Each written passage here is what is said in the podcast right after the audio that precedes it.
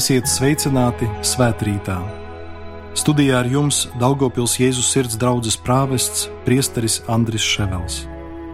Ieklausīsimies lasījumā no Mateja evaņģēlija 22. nodaļas, no 1 līdz 14. pantam - līdzība par ķēniņa dēla kāzām. Tajā laikā Jēzus atbildot farizējiem un tautas vecākajiem, atkal runāja līdzībās Debesu valstība pielīdzināma cilvēkam ķēniņam, kas savam dēlam sarīkoja kāzas.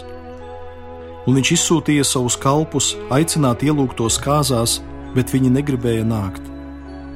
Un viņš atkal izsūtīja citus kalpus sacīdams: Sakiet ielūgtajiem, lūk, es esmu sagatavojis savu mīlestību, mani vērši un trekni lopi ir nokauti, un viss ir sagatavots. Nāciet kāzās! Bet viņi tam nepiegrieza vērību un aizgāja cits savā tīrumā, cits savā tirzniecībā, bet pārējie satvēra viņa kalpus un viņus izsmējuši nonāvēja. Bet ķēniņš sadusmojās un nosūtīja savu karaspēku, nonāvēja šos slepkavas un nodedzināja viņu pilsētu.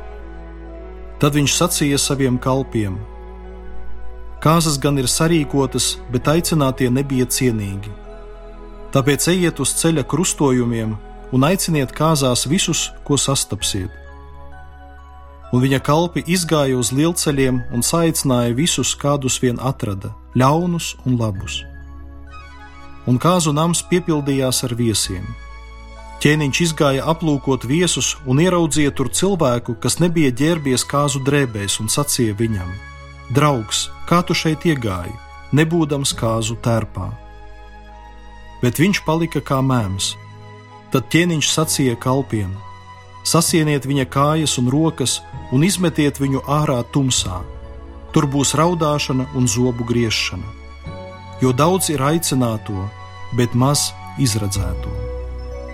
Tas ir Kunga vārds.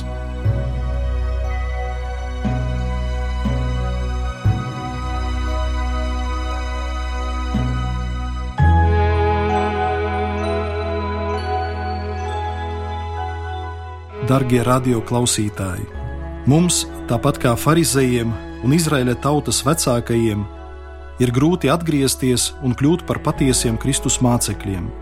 Tādēļ, ka visu laiku skatāmies spogulī, skatāmies uz sevi un veicam pašanalīzi, tas nozīmē, ka griežamies paši ap sevi. Pirmais solis uz atgriešanos ir iziet no savas šaurās pasaules, no saviem uzskatiem un aizspriedumiem lai atvērtos Dieva pazīšanai, spējot saklausīt to, ko Viņš mums saka šodien. Šajā dialogā ar Dievu mēs saprotam paši sevi un rodam atbildes uz pašiem svarīgākajiem mūsu sirds jautājumiem. Atgriezties grieķu valodā metanoja vispirms nozīmē mainīt savu pasaulīgo domāšanas un dzīvesveidu Šodien mēs tiekam aicināti pārdomāt Jēzus stāstīto līdzību par ķēniņa rīkoto kāzu mīlestību savam dēlam, kurā tiekam ielūgti ņemt dalību. Pievērsīsimies vairākiem šī stāsta aspektiem. Līdzība par ķēniņa dēla kāzām atgādina, ka Dievs mūs aicina uz kāzu mīlestību. Tas nozīmē, ka Viņš mūs aicina priecāties. Jēzus saka: To es jums esmu sacījis tādēļ, lai mans prieks būtu jūsos un jūsu prieks būtu pilnīgs. Šie Jēzus vārdi mūsdienās joprojām ir aktuāli. Pirms vairākiem gadiem Londonā notika antireliģiska akcija. Uz pilsētas autobusiem parādījās krāsainas reklāmas, kurās uzraksti vēstīja: Visdrīzāk Dievs neeksistē, nebēdā, baudi dzīvi. Kas ir vistraģiskākais šajā lozungā? Ne tik daudz vārdi, ka apšauba dieva eksistenci, cik aicinājums baudīt dzīvi. Jo tas daudzos cilvēkos rada nepatiesu priekšstatu par dievu kā prieka un laimes ienaidnieku, kurš mums prasa atteikties no dzīves tās pilnībā. Šāda izpratne ir pamatā vislielākajiem šķēršļiem, kā rezultātā cilvēki nevēlas iesaistīties kristietībā. Bet Jēzus mūs aicina priecāties un dāvā šo patieso prieku. Tādēļ mūsdienu kristiešiem uzdevums ir parādīt pasaulē, ka dzīve ar Jēzu nes prieku un laimi, Jēzus gaida uz katra cilvēka lēmumu veidot personiskas attiecības ar viņu, lai viņš varētu piepildīt mūsu sirdi ar prieku un piešķirt jēgu mūsu dzīvei. Viņš ir mūsu ceļa biedrs, kas nepieviļ un nenodod. Viņš ļoti diskrēti un ar cieņu pavada mūs mūsu dzīves ceļā. Sevišķi atbalsta mūsu apjukuma un sakāves brīžos, vājuma un grēka brīžos, un palīdz atkal nostāties uz ceļa. Pirms pasaules jauniešu dienām ķelnē preses konferencē kāds žurnālists jautāja pāvestam Benediktam 16. Ko jūs vēlētos teikt visas pasaules jauniešiem? Pāvests atbildēja īsi: Es vēlos jauniešiem parādīt, cik skaisti ir būt kristietim. Cilvēku, kurš savā dzīvē ir sastapis Jēzu, piepilda patiesas prieks. Kristietis ar skumju bērnieka seju nevienu nespēja uzrunāt un atvest pie dieva. Dievs mūs aicina priecāties, bet mēs bieži esam noskumuši bēdīgi. Rodas jautājums, kāpēc? Atbildi mēs rodam šodien dzirdētajā līdzībā par ķēniņa dēla kāzām. Mūsu dzīvē ir jēga tāpēc, ka Dievs mūs mīl, bet atsakoties, jeb novēršoties no Dieva mīlestības, mēs zaudējam dzīves prieku. Šī lēmuma sekas ir tādas, ka cilvēks noslēdzas sevī un meklē tikai savu labumu. Kad mēs domās koncentrējamies tikai uz sevi, tad esam noskumuši un bēdīgi, bet kad sākam domāt par citiem, kļūstam priecīgi un pilni entuziasma. Svētais Jānis no Krusta uzsver, ka Dievs ir kā saule pār cilvēkiem, pietiek atvērt logu un durvis, un visa māja piepildīsies ar gaismu. Cilvēkam, kurš ir vīlies, sarūktināts, īgns, būtu jāsadzird sev adresēto Jēzus izsacīto vārdu: Efata, atveries. Būt par kristieti nozīmē būt atvērtam cilvēkam. Šī līdzība mums atgādina arī to, ka lietas, kas mūs novērš no Kristus un viņa aicinājuma, nav ļaunas pašas sevī. Viens cilvēks aizgāja savā tīrumā, cits savā tirzniecībā, cits pie savas ģimenes. Viņi negāja, lai kaut kur lepni dzīvotu. Viņi aizgāja, lai pildītu savus pienākumus. Cik gan viegli, nodarbojoties ar dažādām laicīgām lietām, mēs aizmirstam par mūžīgām vērtībām. Mēs tik ļoti aizraujamies ar redzamajām lietām, ka aizmirstam par tām neredzamajām, kas nosaka mūsu mūžību. Mēs tik uzmanīgi ieklausāmies šīs pasaules mācībā, ka nedzirdam kluso un mierpilno Kristus aicinājumu. Daudzu cilvēku traģēdija ir tajā, ka bieži vien tas, kas ir labs, noslēdz mums ceļu tam, kas ir vēl labāks, ka lietas, kas ir labas pašas sevī, laupa mums visvērtīgāko dzīvē. Piemēram, cilvēks var tik ļoti aizrauties ar naudas pelnīšanu, ka aizmirst par pašu dzīvi. Ikdienā mēs tiekam kārdināti lai sevi noliktu dzīves centrā un uzskatītu, ka mēs paši veidojam savu dzīvi, un ka tā būs laimīga, ja mums būs daudz naudas. Bet tas tā nav. Protams, materiālā labklājība, nauda, vara, slava var dot īslaicīgu prieku un mirkļa ilūziju, ka esam laimīgi. Taču tā nespēja piepildīt cilvēka sirdi, kas ir radīta bezgalīgajam. Materiālās vērtības beigu beigās var sākt valdīt pār mums, liekot mums nemitīgi tās pavairot. Tad naudas pelnīšana kļūst par sava veida verdzību. Elks ir vērtība, kurai mēs ierādām pirmo vietu savā dzīvē, nostumjot dievu malā. Tikai parasti šī vērtība iegūst iznīcinošu spēku, jo aiz tās stāv sātans. Par elku var kļūt jebkas, dzīve tikai priekš sevis, dzīšanās pēc varas un materiālajiem labumiem, cilvēks, darbs, nauda, karjera, politika, sports. Tomēr atcerēsimies, ka kalpošana elkiem novērš mūs no dzīves augstākā mērķa un padara atkarīgus no elkiem, kas mūs paverdzina. Lai cilvēks piepildītu savu dzīvi, īstenotu savu sūtību, nav vienalga izvēlēties darīt labu vai ļaunu. Pirmajā gadījumā viņš īsteno sevi, bet otrajā rīkojas pats pret sevi. Vēl šī līdzība mums atgādina, ka Dievs pēc savas būtības ir mīlestība un vislielākais labums. Viņš nekad nevar izraisīt ļaunumu. Dievs radīja pasauli labu, pat ļoti labu, taču radīšana vēl nav pabeigta. Tā tiek veidota pārmaiņās un sāpīgos procesos, līdz sasniegs savu galīgo pilnību. Tādējādi var labāk saprast to, ko baznīca sauc par fizisko ļaunumu, piemēram, iedzimtu defektu vai dabas katastrofu. Savukārt, morālā ļaunuma cēlonis ir brīvības ļaunprātīga izmantošana pasaulē. Dievs mūs ir radījis brīvus un respektē mūsu lēmumu. Dievs visā savā varenībā nespēja mūs piespiest viņu mīlēt un viņam pakļauties. Mīlot grēcinieku, Dievs kļūst bezspēcīgs. Īpaši tad, ja kāds debesu valstības vietā izvēlas elli, kas ir mūžīgā atšķirība no dieva. Jo pati elles esamība ir pierādījums tam, ka cilvēkam ir brīvā izvēle. Svētais Akvīnas Toms teoloģijas summā apgalvo, ka Dievs pieļauj ļaunumu tikai tāpēc, lai no tā izveidotu ko labāku. Pharizēji, tautas vecākie un daudzi dievbijīgie ebreji nepieņēma Jēzu un piesita viņu krustā, bet tas atvēra ceļu miljoniem pagānu. Tālajos austrumos kopš gadu simtiem stāsta šādu pamācošu notikumu. Kādam nepārāk bagātam cilvēkam bija viens vienīgs zirgs. Kādu nakti tas salauza sētu un aizbēga uz stepi. Agri no rīta pie saimnieka atnāca kaimiņš un sacīja: Tev aizbēga zirgs? Ak, kāda nelaime!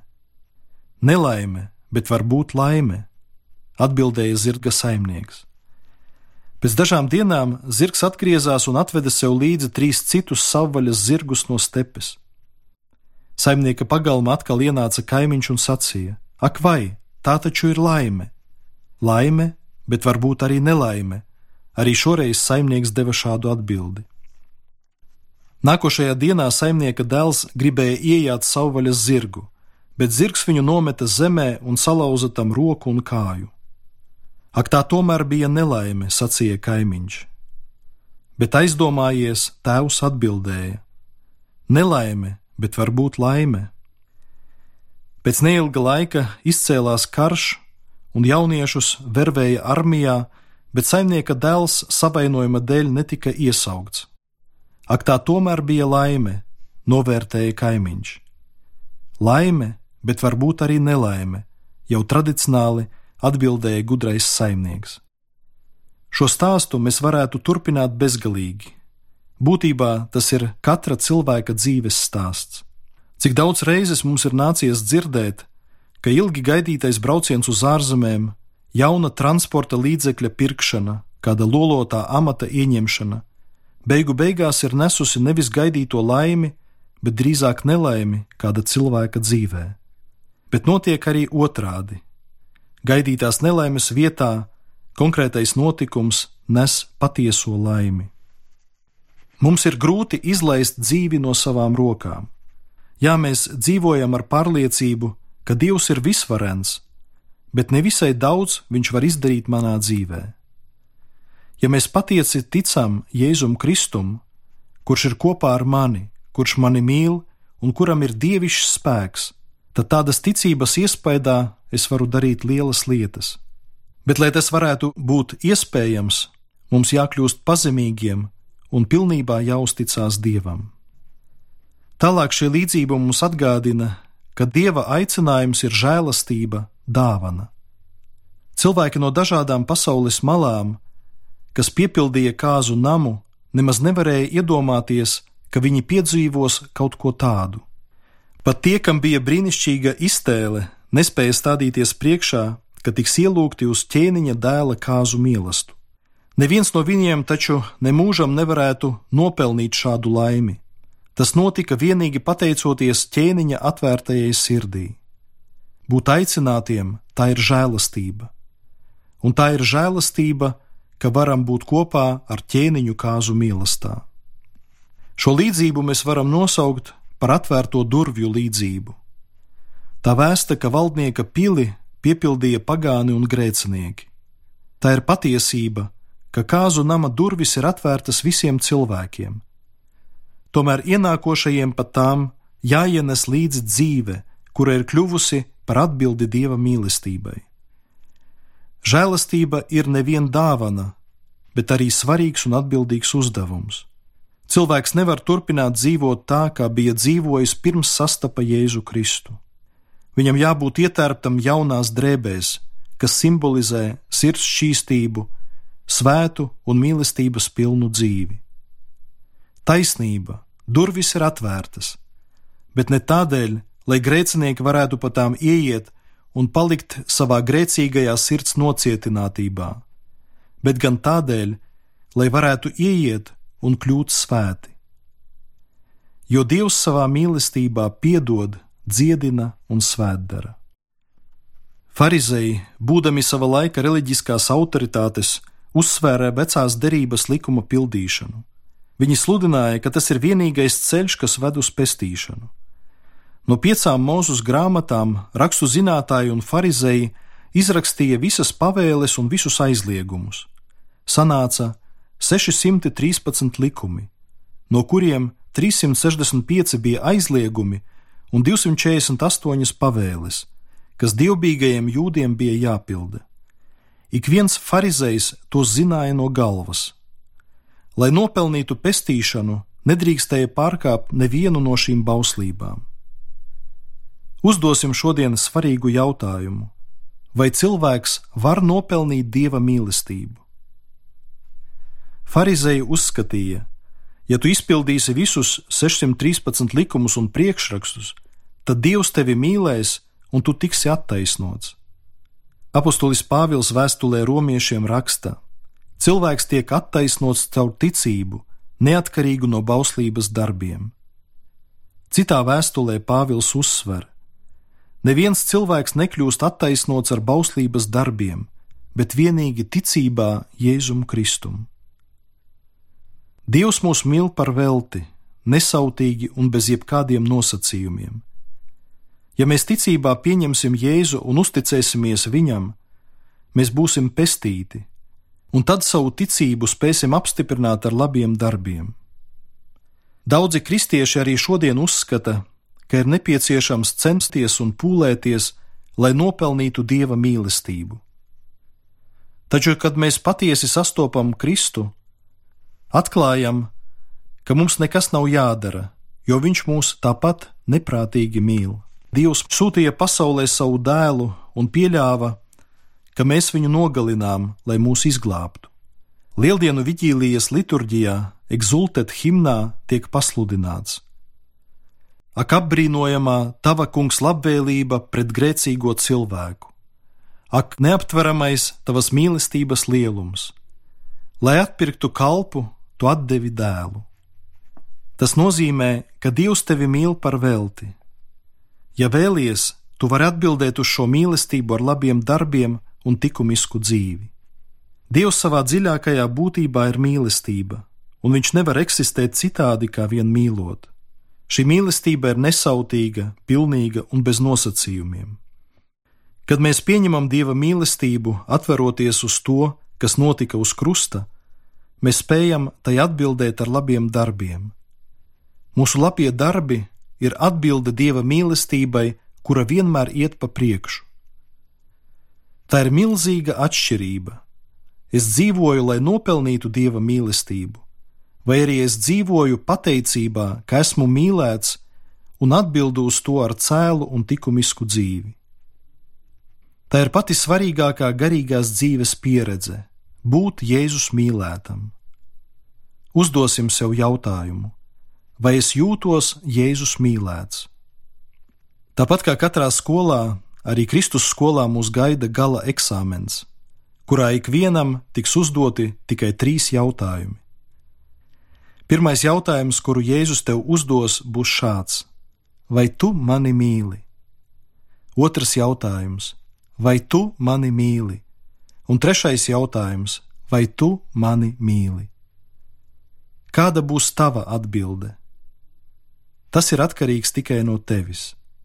Taču atcerēsimies, ka mūsu nākotne lielā mērā būs atkarīga no šodienas izvēlēm. Šīs pārdomas noslēgsim ar lūgšanu.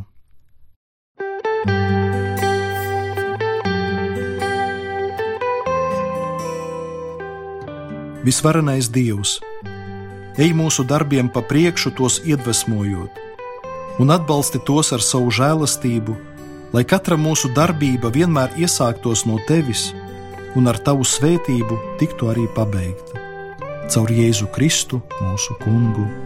Āmen!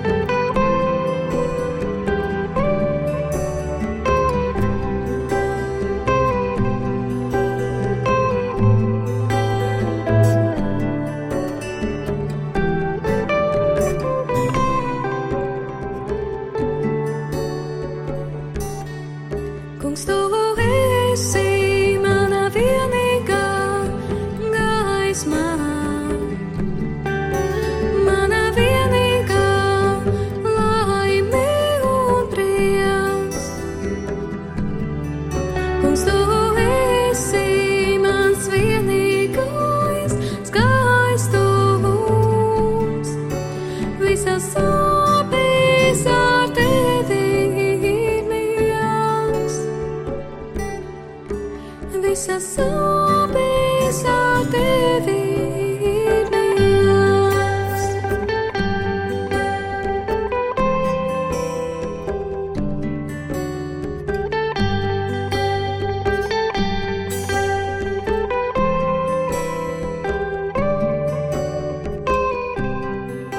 Svētrītā kopā ar jums bija Daugopils Jēzus sirds draudzes prāvests priesteris Andris Ševels.